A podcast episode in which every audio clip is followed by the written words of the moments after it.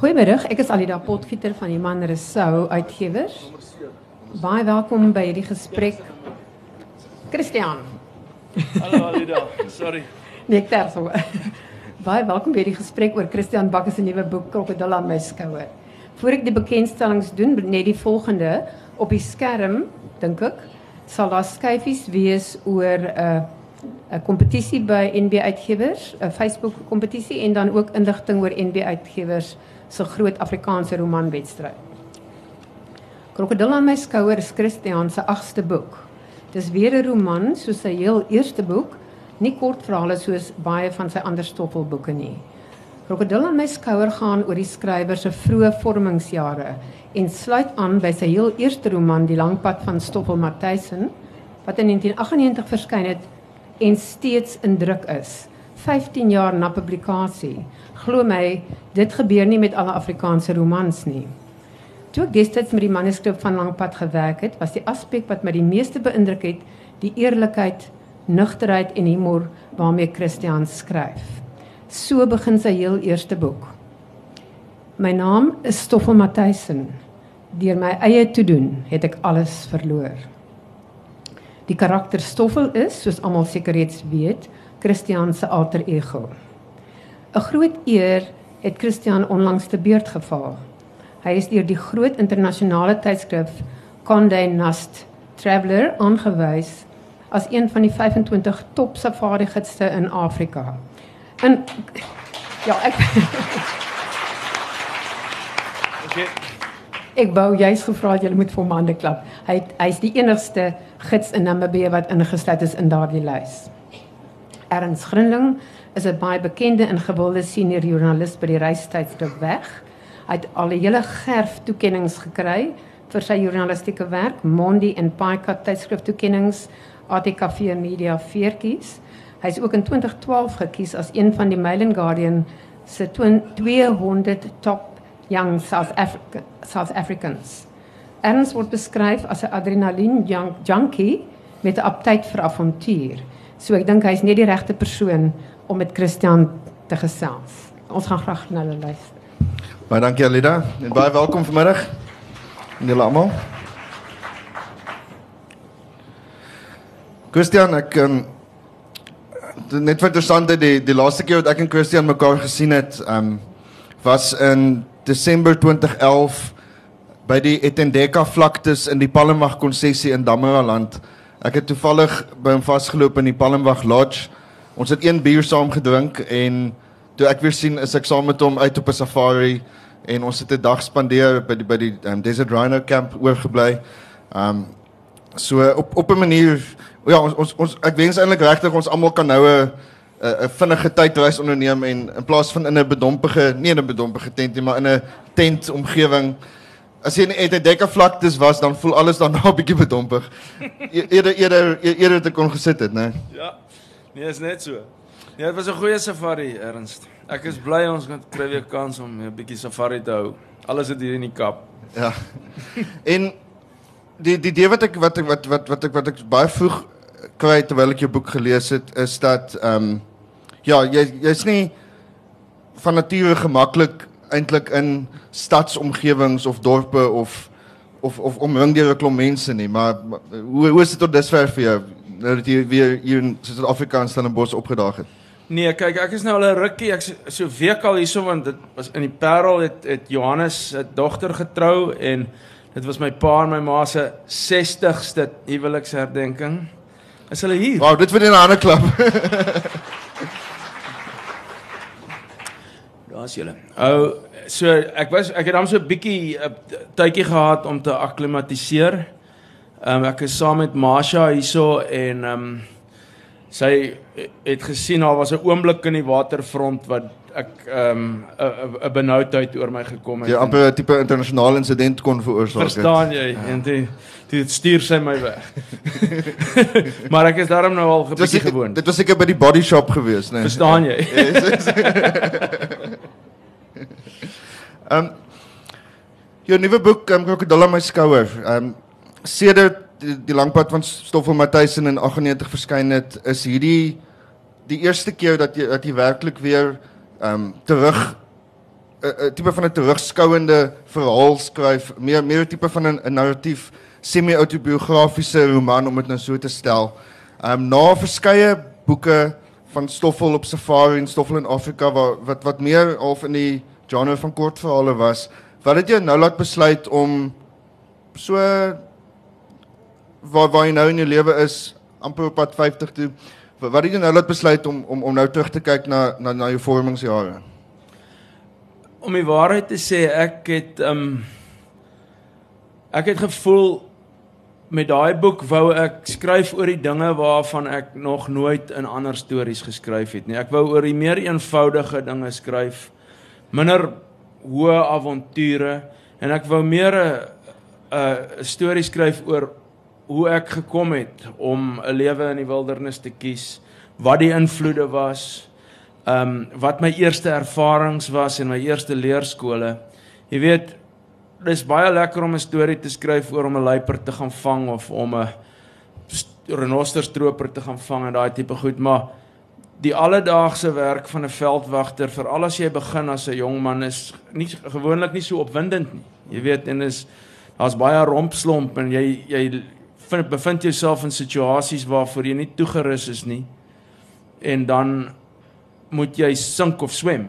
En my vroeë jare, my eerste jaar as 'n student veldwagter in 1987 het ek nooit werklik gesien as 'n betekenisvolle jaar omdat daar nie sulke groot dinge gebeur het, jy weet nie.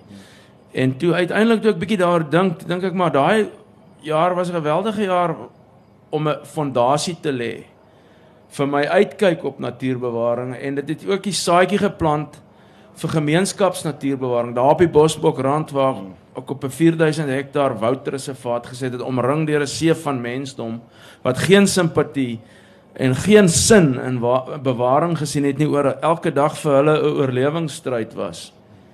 Het toe vir my laat die eerste keer laat dink nee maar as jy die gemeenskappe en die mense om jou wildreservate of aan die rand van jou wildernisgebiede aan jou kant het gaan jou werk baie makliker wees. En ek het op 'n baie primitiewe manier het ek op amper per ongeluk daaroor gestruikel. Jy weet, gesê, "Ja, as ek hierdie uitheemse bome uitkap, dan kan ek dit beskikbaar stel aan die gemeenskappe en dan sal hulle nie die inheemse houtsoorte steel nie." Jy weet daai tipe goed. Dis goed. Dit was die eerste openbaring van hoe natuurbewaring in derde wêreld armoedige omstandighede suksesvol kan wees. Maar jou jou eerste kennismaking of die eerste keer wat jy um, en ek wil definitief nie die die boek se verrassings te veel weggee tydens ons praatjie nie, maar dit was tog vir my interessant en op 'n manier terugskouend humoristies dat oor jou heel eerste betrekking by die Kruger Wildtuin. Ehm um, wil jy dalk dalk dalk net 'n bietjie daarvan vertel?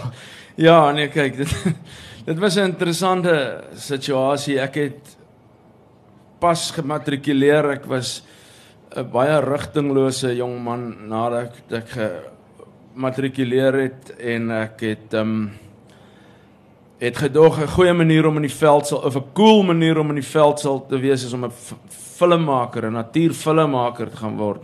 En ek het gaan filmproduksies swat en in my eerste 6 eerste semester al my vakke gepluk en uit die aard van die saak my ouers en my familie se teorieë oor my gestaaf En ehm um, ek toe moet ek 'n werk kry en toe kry hulle my werk in die Kreerwildtuin. Ja, ek dog dis nou die coolste ding. Nou gaan ek veldwagter wees. Ek wil gaan help met olifantstroopers vang en uh en en en voorbrande doen en al hierdie lekker dinge wat ek op die plaas gedoen het en uh toe ek aankom toe toe sit hulle my in die lakens stoor. toe moes ek lakens stryk en vou en uh, uitstuur laat dit in die hutte van Skakuza oorgetrek kan word en dit was vir my 'n redelike gatslag geweest. maar ek het ook besef daar's so mense mense dit gebeur nie oornag nie, jy moet iewers iewers begin.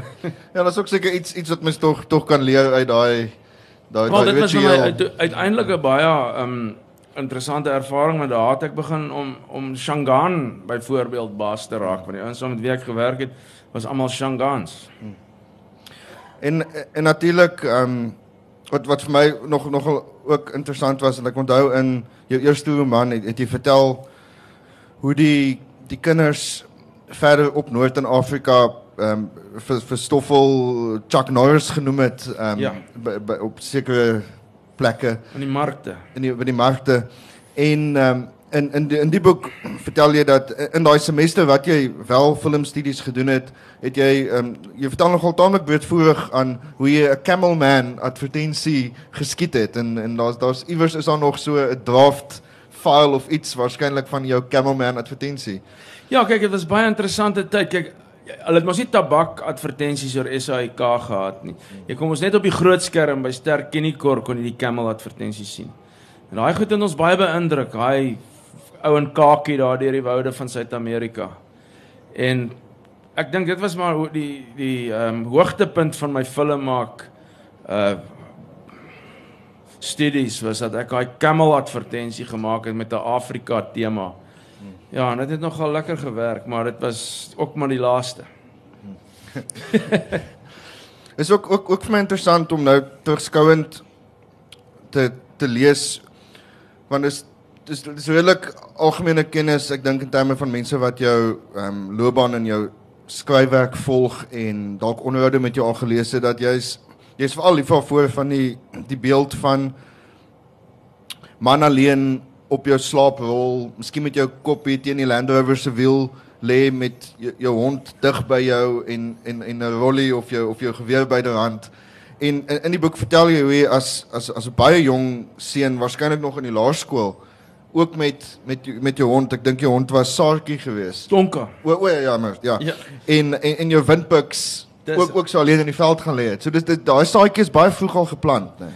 Absoluut. Ek was ehm um, baie vroeg beïndruk deur daai pioniersgees. Ek meen my broer Marius het vir my toe ek baie klein was, het hy vir my Effa Venter se boeke gelees, Geknelde Land en daai goed. Dit het nog 'n indruk gemaak op my.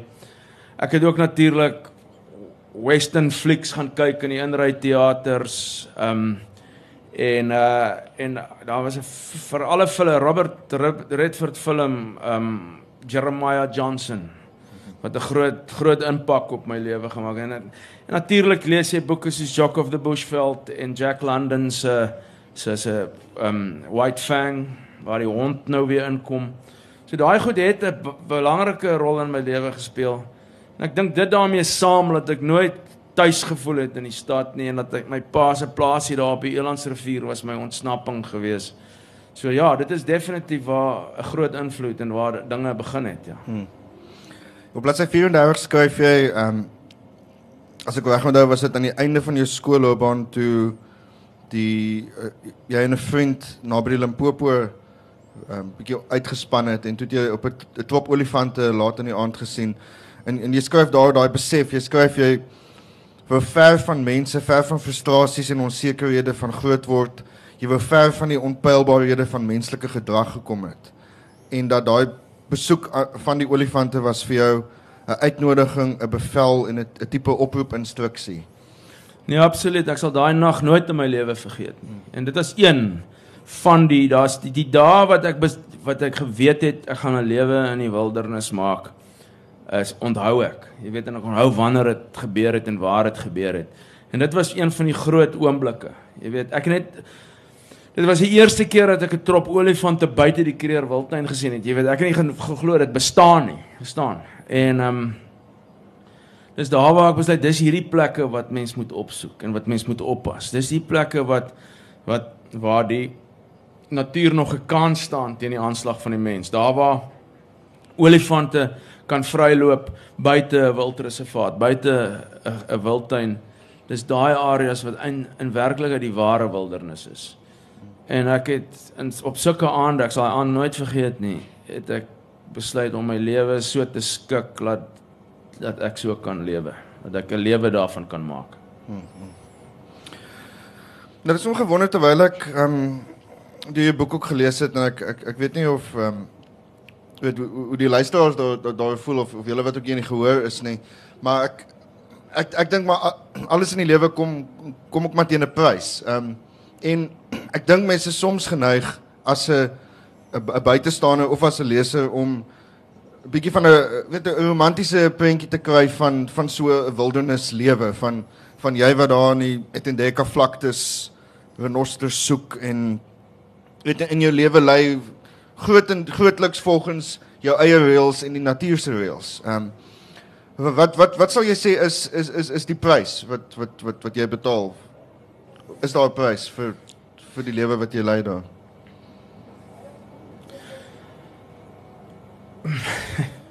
nee. Nee, is baie maklik. nee, ek dat kyk, ek het toe toe ek groot geword het in Pretoria was ek akut bewus van die feit dat ek nie inpas nie. Ek hoort nie daar nie. Ek is 'n buitestander. Ek is nie gelukkig hier nie. Die reëls en die regulasies van die skool waarna ek gegaan het, het vir my bedruk. Alles het my bedruk van die stad en om er, om omring te wees deur massas. Ehm um, en ek het myself van voorgenem ek gaan hiervan wegkom. Die begin was nie maklik nie. Die baie areas waar ek gewerk het was uiters onromanties en uiters oninspirerend. Maar tog was dit elke keer was dit 'n 'n stappie tot iets beters. Jy weet my praktiese jaar, ek het gesukkel om werk te kry as 'n student veldwagter tydens my praktiese jaar omdat ek nog nie my militêre diens voltooi het nie. En niemand wou 'n ou aanstel wat nog nie in die army was nie want hy moet volgende jaar army toe.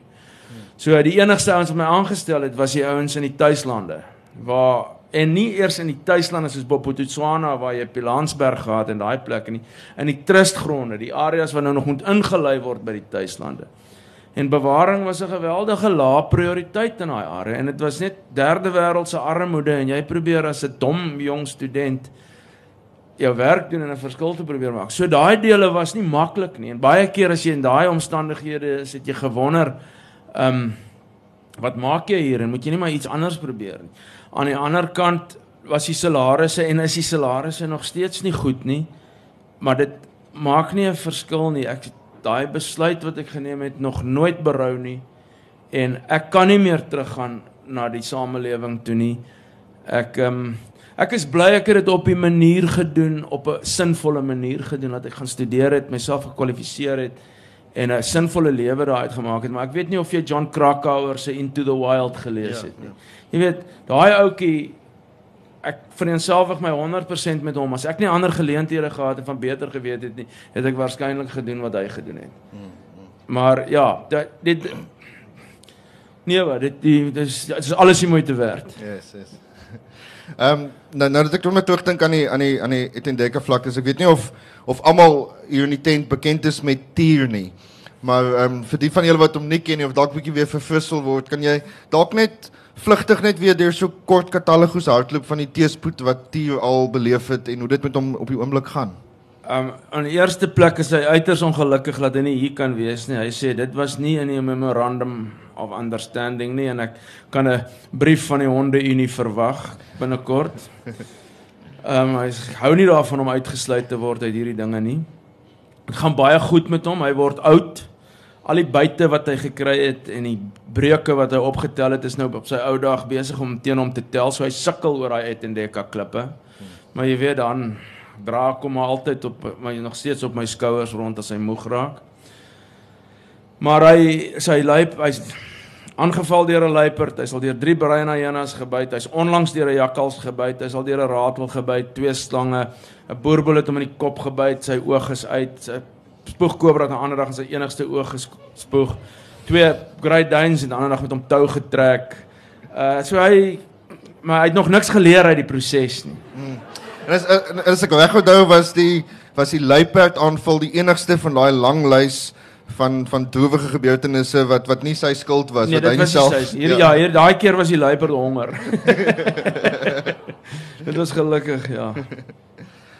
Jy jy skryf ek nogal baie vroeg oor die ehm um, ja, oor, oor, oor jou tyd in die weermag en spesifiek daai laaste deel rondom 1989 rondom die draai van dinge in die Bosoorlog en ja. met Namibië se onafhanklikheidswording. Ja. Ehm ja. Um, ja, hoe, hoe was dit vir jou om daai daai tyd in jou lewe nou weer te tipe half te herbesoek in in jou geheue en wat het vir die sterkste uitgestaan? Wel erns daai jaar, die jaar 1989 was vir my die mees betekenisvolste jaar van my lewe en dit was 'n uiters avontuurlike jaar met alle aspekte gekombineer. Um Ek het nooit enige militêre aspirasies gekoester nie. Ek was soos enige ander ou wat vir 2 jaar moes gaan. Ek was klaar gekwalifiseer as 'n natuurbewaarder en dis hoekom ek gesukkel het om werk te kry vir my praktiese jaar want ek was nog nie in die weermag nie. Ek was die laaste groep wat 2 voljare gedoen het. Ons was die laaste dienspligtiges op die grens.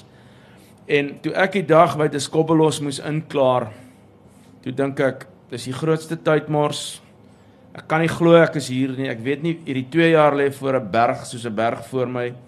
Ek wil net eintlik 'n veldwagter wees. Ek stel nie belang in hierdie kak nie.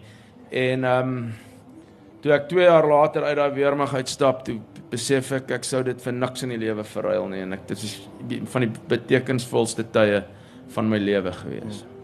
En ek dink saam met ehm um, jou jou vorige ervaring in die in die soort van in die tuislandgebiede of op die rand van die tuislandgebiede het jy het jy veral in in in daai jaar daar in die in die Caprivi ehm um, spesifiek op een op een vlug waar jy baie wild gesien het het dit het dit by jou die die die daai hoë premie wat jy het in terme van van bewaring en die noodsaak daarvan het dit dit by jou verskaf vir Want dis dis presies die ding erns ek het daar in die weermag in die Weskaprivi op die Angola grens op die Kwando rivier was my eerste werklike ontmoeting met die ware wildernis. Jy weet met die Afrika wildernis waar daar nie 'n heining in sig is nie, waar die ekosisteem nog volledig is.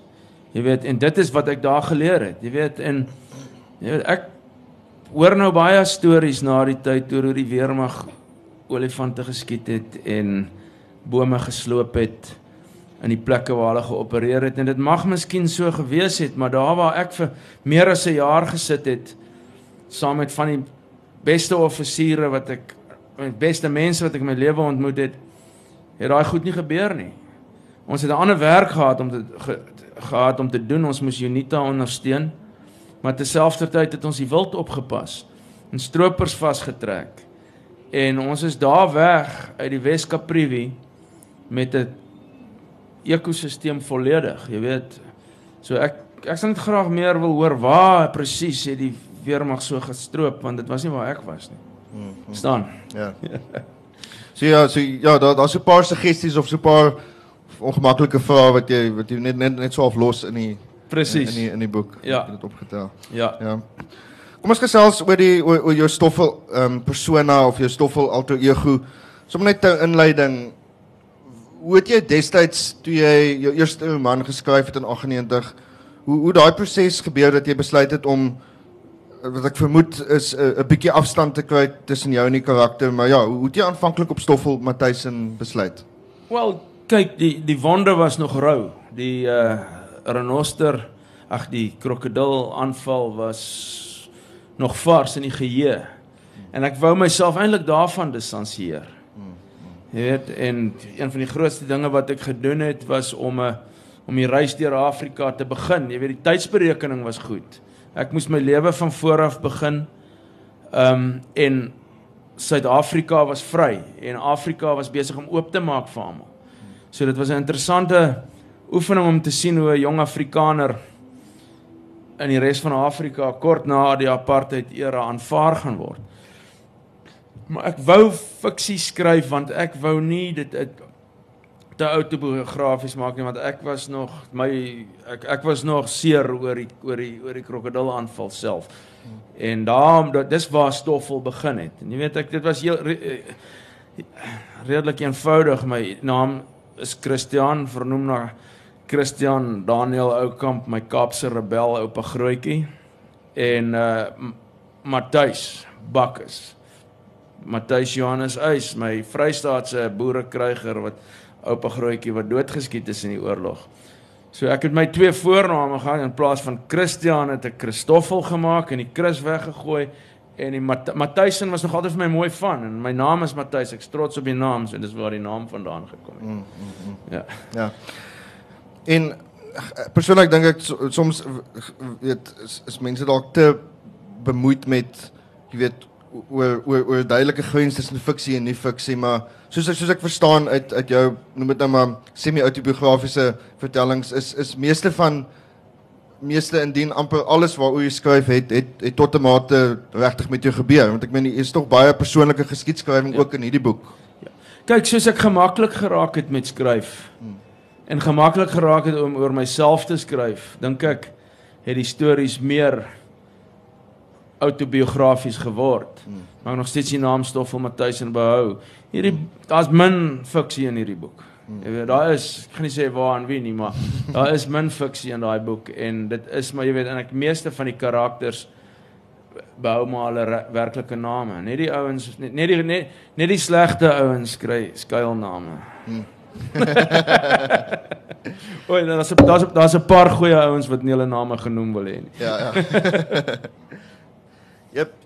Jy skryf ook in die boek um bietjie oor die oor, oor die invloed wat ek dink is dit dit was dit was 'n boek van jou van jou pa of jou of jou pa se gunsteling boek gewees wat wat ook um bietjie onder sensuur was, maar is 'n boek van Credo Credo um Dis Boetwa. reg. Ja. Um wil jy dalk net bietjie meer vertel oor oor sy invloed ook op jou vormingsjare? Ja, dit is dis belangrik hoor. Um, dis eintlik my ma het die boek vir my gegee. Ek skryf dit ook so in die verhaal. Yes. Toe ek met 'n gebreekte been gelê het en frustreerd was as 'n hoërskoolseun. Dit was haar pa se gunsteling boek. Wow. En uh, hy het die boek gekoop net voordat dit soort van verban is of verwyder van die rakke af is. En ehm um, dit was 'n boek wat geskryf is, die, ek weet maar baie mense weet wie Credo Mutwa is.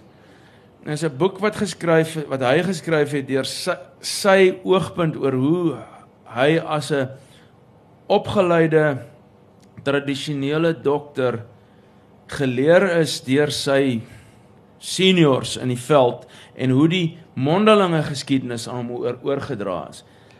Volgens die Zulu tradisie, die geskiedenis van van uit die uit die swart mense se oogpunt uit.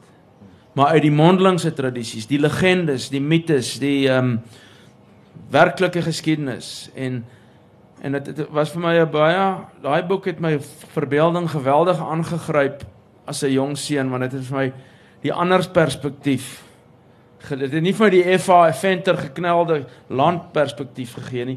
Dit het my ges, die perspektief gegee het oor die ouens wat suid gekom het en in die wit mense vasgeloop het. En dit het ehm um, het ook my denke verander en het my daai uit die romantiek van Afrika, uit die Afrika oogpunt, uit die swart oogpunt vir my baie mooi verduidelik. En dit het daai boek het 'n geweldige invloed op my lewe gehad, ja. Yes, yes. Wan, wa- wanneer jy skryf, ehm um, ek het ek het voorgelees dat jy jy maak gebruik van 'n 'n wilderness rekenaar of of tipe oefenboek in in Big Pen en en sulke tipe dinge. Ehm um, is dit nog steeds hoe jy werk? Praat ons net 'n bietjie deur jou deur jou proses. Soos hoe en wanneer en waar het jy hierdie hierdie boek byvoorbeeld geskryf? Ja, ek het bietjie opgevang met die tegnologie, maar ek skryf nog alles in langhand. Maar dan tik ek dit oor. My tweede geskrif, my is is is tik ek dan oor in op 'n rekenaar en dan word dit sommer my my dan dan redigeer ek dit sommer soos ek skryf. Ek ek het gevind dit werk nog goed, maar ek verkies nog steeds om die eerste manuskrip in in in langhand te skryf. Hmm, hmm. Maar ek tik nou die dan tik ek homself oor en dan redigeer ek terwyl ek tik. Vat lank want ek tik nog net met een vinger en ek het net een hand. Ja. Maar dit gaan al beter. Ja. Julle gaan lank wag vir die volgende boek.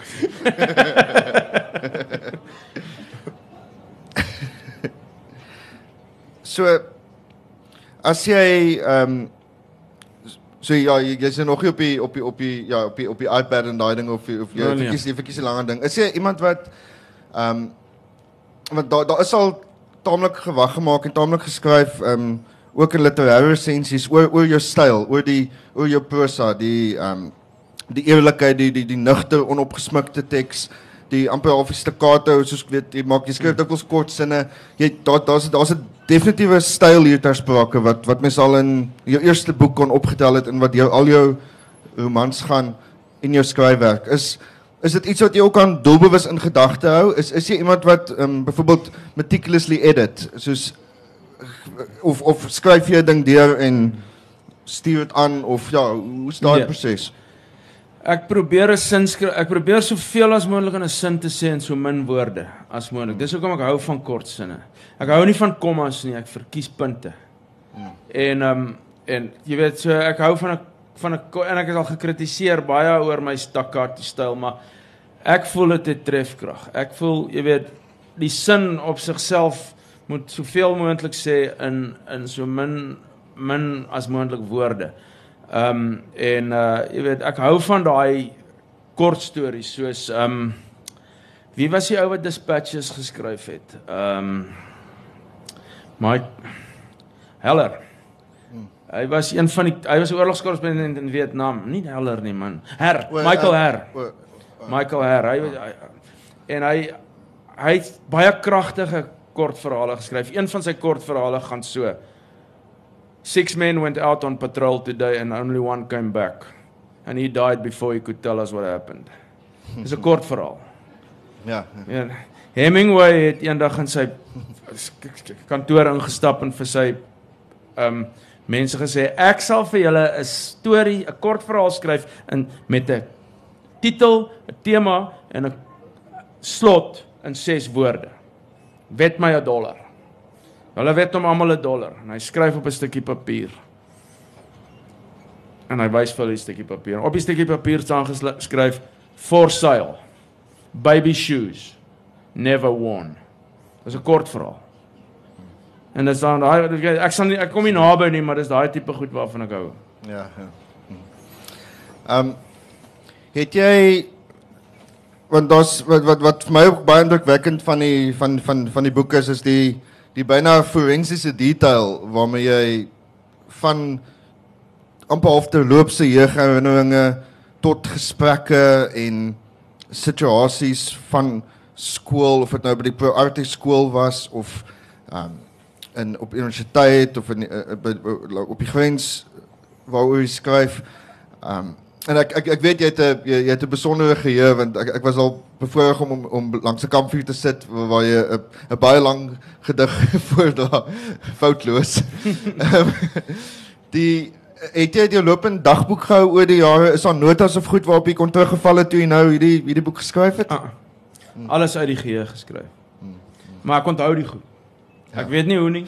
Kan nie vir sê hoe nie. Ek dink is omdat ek 'n waterkoppie was toe ek klein was, weet. Ek dink dis die ding. Miskien het daar iets vasgesteek in die brein.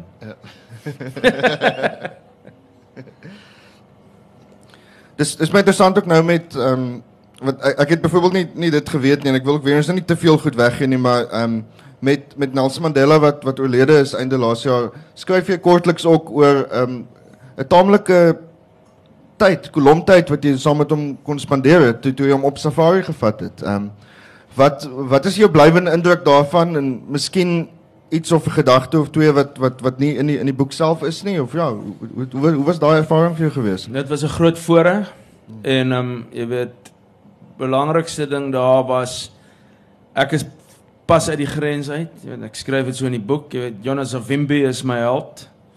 En hier kom ek op safari saam met Nelson Mandela en hier kry ons 'n kans om 'n kampvuur te deel en te gesels en te praat en mekaar in die oë te kyk. Jy weet soos ek dink ek sê dit alles maar in die boek. Jy weet dit da, jy weet dit, ek het besef nee, okay, dit is die pad om te loop. Yes.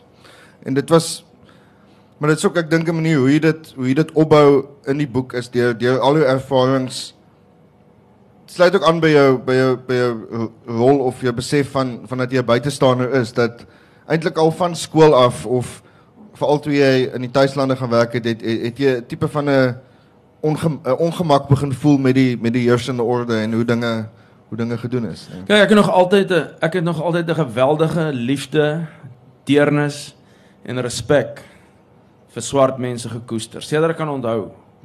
Jy weet, as dit nie die die bediende in die kombuis was nie, was dit die tuinjong of die bouers.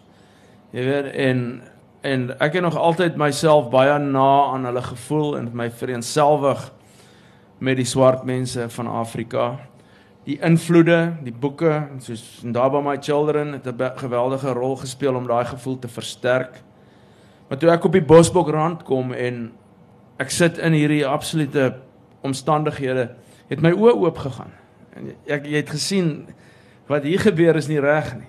En jy moet dit ook besef. Maar dan is baie maklik om vir 'n ou te sê om na die tyd te sê jy was 'n politieke aktivis en so. Dit was ek nooit nie. Ek het nog altyd terselfdertyd hoewel my liefde vir die swart mense van Afrika nog altyd terself terselfdertyd 'n geweldige lojaliteit teenoor my eie mense getoon want ek weet hulle is ook Afrikane. Hulle is ook hulle is die wit stam van Afrika. En as mens die gedrag vergelyk tussen ons en hulle, is dit nie soveel verskillend nie. Ehm um, en ja, ek meen ek en ek ek, ek weet net ek kan vir jou eerlik sê soos ek hier sit, voel ek baie meer tuis saam met die Himbas en Herreros, Damaras en Rimfasmakers van die Kaoko veld as saam met die wit mense van Stellenbosch. maar jy sal hulle boeke teken as hulle omkom. Verseker. sien sien ons bedoel met die eer die eerlikheid en die onopgesmuktheid van alles. ek en ek Ja nee, ek het nou amper my my volgende vraag hierso verloor. Dis reg. Dis lekker. Die Oeps die die die stryd teen die renosterstrope ehm um, jy verklaar dit as 'n tipe amper tipe manifeste ook ook ook in die boek en jy verwys na 'n 'n onlangse relatief onlangse insident wat my nogal baie ontstel want ja. toe ek laas daar met jou was het dit nog nie gebeur nie. Dit het eintlik kort daarna gebeur. Presies, ja. Ja, hoe hoe hoe hoe gaan dinge nou daar en ja, wat wat wat wat kan 'n mens doen behalwe om ja.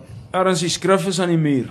Dis nog glad nie naby soos wat in die Kreurwild en in Suid-Afrika gebeur nie en, en die omstandighede is heel anders. Maar die stelsel is in plek om om 'n ramp te begin. Ehm um, ons het tot dusver nog baie suksesvol gewees met gemeenskapsgerigte bewaring. Die mense aan ons kant gekry werk nou saam met hulle. Hulle is 'n tradisievaste mense met 'n 'n ingeboude bewarings etiek in hulle kultuur en dit maak ons werk baie maklik. Lae populasie, min menslike druk, onherbergsame landskap. Ek meen daai Etendeka lavas is die grootste renosterbewaarder in die area want die ding is so dam klipperig. Hmm. Niemand wil daar gaan poach nie. Verstaan, daai tipe goed. So ons was gelukkig tot dusver. Maar ons het 'n in, invloed van Chinese besigheidsmense, Chinese miners. Ehm um, hulle sien 'n 'n geleentheid in die area want daar is min mense, daar's min beheer, daar's min dis maklik om wetteloos te wees daar. Maar soos ek skryf in die boek is die die alles wat ons elke ou wat ge, wat gevang word begin deur 'n plaaslike lid van die gemeenskap, 'n beeswagter of 'n bokwagter of 'n ou wat na water soek wat 'n karkas optel. Hy het niks om te wen, niks om te verloor nie. Hy kom rapporteer dit. Hy kom rapporteer dit aan Save the Rhino Trust. Hy kom rapporteer dit aan die veldwagters, die gemeenskap veldwagters. Hulle volg dit op en dit lei na 'n arrestasie. Jy weet, ek sê nie dit is 'n proses wat vir ewig gaan hou nie. Ek voel die ehm um, dit is die dat daar daar's baie dinge teen renosters teen die bewaar teen die oorlewing van die renosters. Ehm um, ek sien wat gebeur in Suid-Afrika. En en alles wat in Suid-Afrika gebeur is klaar in die plek in Namibië. Ons sal ons uh, bewaringspogings moet verskerp, versterk. Ons sal alle opsies moet navolg, nie net gemeenskapsgerigte bewaring nie, ook teenstroper operasies. Ehm um, inligtingsnetwerke ehm um, daar moet gepraat word met die Chinese ambassadeur. Daar moet gepraat word met almal moet betrek word. Die grootste fout glo ek op hierdie stadium en ek het dit nie altyd so gesê nie ek het, ek het stadig my opinie verander. Daar moet 'n volslaa verbanning wees op renosterhoring want daar is nie genoeg renosters om die aanvraag vir 'n renosterhoring ooit um, te bevredig nie. En daar's 'n sterk um beweging in die sluikhandel om die renoster uit te wis as 'n spesies sodat jy 'n nie hernubare bron het sodat jy jou prys so hoog kan opstoot as moontlik. So die skrif is aan die muur, dis baie ons sit in 'n baie gevaarlike, baie sensitiewe situasie. Ons is nog dusver nog gelukkig in Namibië, maar ek glo ons is op geleende tyd en die moeilikheid gaan begin. Om die waarheid te sê, ons kan bly wees vir plekke soos Kreerwiltuin waarin ons te so geskiet word en dit ek dink dis die enigste rede hoekom dit nog nie in ten volle by ons gebeur het. Maar dit gaan nie die probleem oplos nie. Maar solank jy daar in die Ballenwag konsessie is met die stoppers maar lig loop vermoed ek, né? Nee, ons sal hulle vasvat ou maat. Ehm um, die die die boek se titel is ehm um, Krokodil aan my skouer en jy skryf ook in die boek ehm um, herbesoek jy kortliks die insident in die dam. Jy ek dink amper jy het, jy het, jy het laas in jou eerste roman daar daar daaroor geskryf in in in Stoffel Matthys en ehm um, hoe was dit nou om om dit te herbesoek in die skrywe van self en en hoe dink jy nou vandag terug aan aan die insident? Nee, dit is baie makliker om dit hierdie keer te skryf. Ek onthou laas die eerste keer wat wat ek die um insident beskryf het op papier was vir my swaar. Hierdie dis kyk is 20 jaar later, 26 Februarie was dit 20 jaar gelede. Tyd heel baie. Um jy sien dinge in, in uit 'n wyser oogpunt. Jy weet hoekom dit gebeur het. Um so dit was hierdie keer vir my baie makliker om daaroor te skryf. Die rede hoekom ek vir 'n tweede keer daaroor geskryf het want elke keer vra iemand my om die fucking storie te vertel en is so gatvol daarvoor. Mm -hmm. Jy staan so ek en ek skryf dit nou in elke boek sodat hulle my nou nie weer vra nie. Nou nou sê net lees, gaan gaan lees, koop enigiets van my boeke en lees. maar in elk geval, nee, hierdie keer was dit makliker om te skryf en maar die titel, jy weet, jy jy's vertel ver, verstaan hoekom die titel die so is. Dit gaan nie oor die krokodil nie. Dit gaan oor die bagasie waarmee jy groot word. Dis ook 'n krokodil. Yes. Jy weet. Ja, en daar's daar's uit uit ook veel te leer uit die bagasie en Precies. en, en jou lewe sou radikaal anders uitgedraai het O, ja, as jy nee, nie daai dag in die dam gespring het Ek het, nie. ek het nog nie jou vraag klaar geantwoord nie, skuis tog. Ehm um, ja, dit kyk as ek dit is 20 jaar later en ek kyk terug daarna en ek sou dit vir niks verander het. Ek kan nog steeds ek ry my kar, ek skiet my geweer, ek ruil my wiele om. Ek was eintlik baie meer onhandig met twee hande. Ja, ek ek het ook daar was 'n daar was 'n foto van jou in die, in in 'n koerant gewees. Ek dink waar jy juis in die in die Konene rivier gestaan het met met 'n geweer in die hand waar daar ook krokodille natuurlik is. Ja, ja nee kyk, dit was 'n noodgeval. Die kamp was besig om weg te spoel en die Dit was nou onlangs, ja, Ja, twee ja, twee jaar so gelede. twee jaar terug, ja. Die die Konene het afgekom, ons het geweldig ja, 2012. Geweldige vloede gehad. Ons kamp het weggespoel. Ons wat ons kamp wat op die suidoewer van die van die rivier gestaan het, was skielik in 'n op 'n eiland in die middel van die rivier. En die ding is ons personeelbehuising uit die aard van die saak is die eerste ding wat wegspoel. So die ouens moet hulle persoonlike besittings verwyder. Dan moet hulle deur die water loop met hulle persoonlike besit om hulle persoonlike besitting uit hulle huise wat besig is om rivier af te dryf te haal. Jy weet in die plek kreol van krokodille en die konene krokodille is uh, veral aggressief. Jy weet en jy moet jou werk doen. En ek het my getroue kyk ek Tier is my getroue genoot maar my ander getroue genoot is my .44 revolver. Hy het my al twee keer my lewe gered en een keer my hond se lewe. So jy weet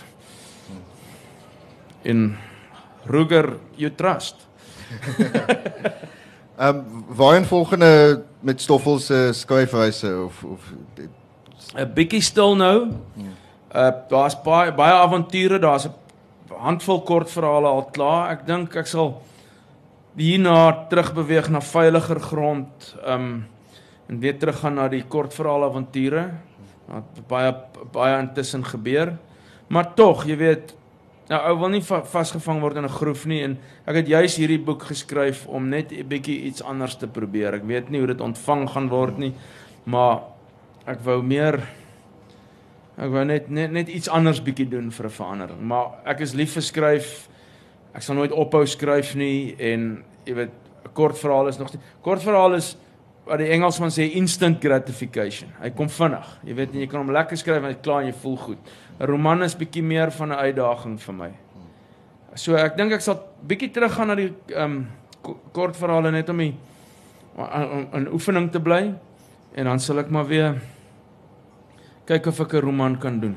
Yes.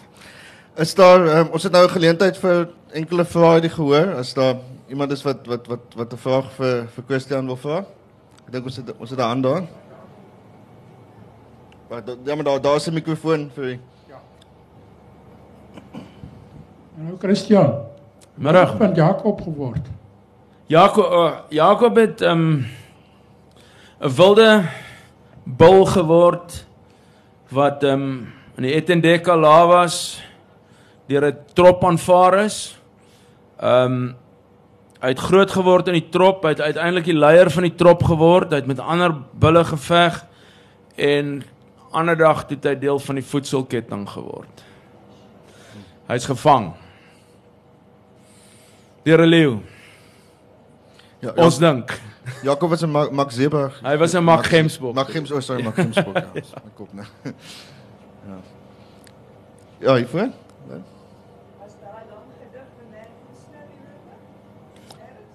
Hy's nie in hierdie een nie, maar wil jy hom hoor? Het ons tyd? Dis my gunsteling gedig. O, okay, okay. Nee, hy's nie hier in nie, nee, hy's. Ja, ja. Ja, ja, ja, dit was die gedig wat, wat jy my kampvuur moes gelees het. Ja, ja, ja, dit is dit is reg. Ja. Ons kan 'n korter gediggie doen as jy wil. Wat wil jy dalk gou 'n gediggie voor daai? Ek weet jy jy is baie gediggie doen. Kom ja. ons doen daai een wat ek en jy op die vlakte gedoen het. Die een van van van Robert Service. Nee, van Toon van der Heever. Toon van der Heever. Yes, ja. yes. Okay. Okay, goed. So so Jy lus. Dis 'n vinnige enetjie. Ja. Op die hoëveld waar dit oop is en die hemel wyd daarbo, waar kuddes waai gras huppel oor die veld, waar 'n mens nog vry kan asemhaal en in 'n God kan glo, staan my huisie wat ek moes verlaat vir geld. En as ek in die gange van die myn hier sit en droom oor die winde van die hoëveld ruim en vry, dan hoor ek nog die klinkel van my spore saal en toom. Savens as ek skaap of beeste toe ry. In die hoëveld waar dit oop is, waar mens baie ver kan sien. Die eilblou bring 'n knop dan in jou keel. staan my huisie nog en wag vir my. Wag al vir 'n jaar of 10 waar bokkies tussen leigrafstene speel. En as die tering kwaai word en ek hoor die laaste fluit, dan sweef ek na die hoëveld op die wind. Dan soek ek in die maanlig al die mooiste plekkies uit waar ek klei osse gemaak het as 'n kind.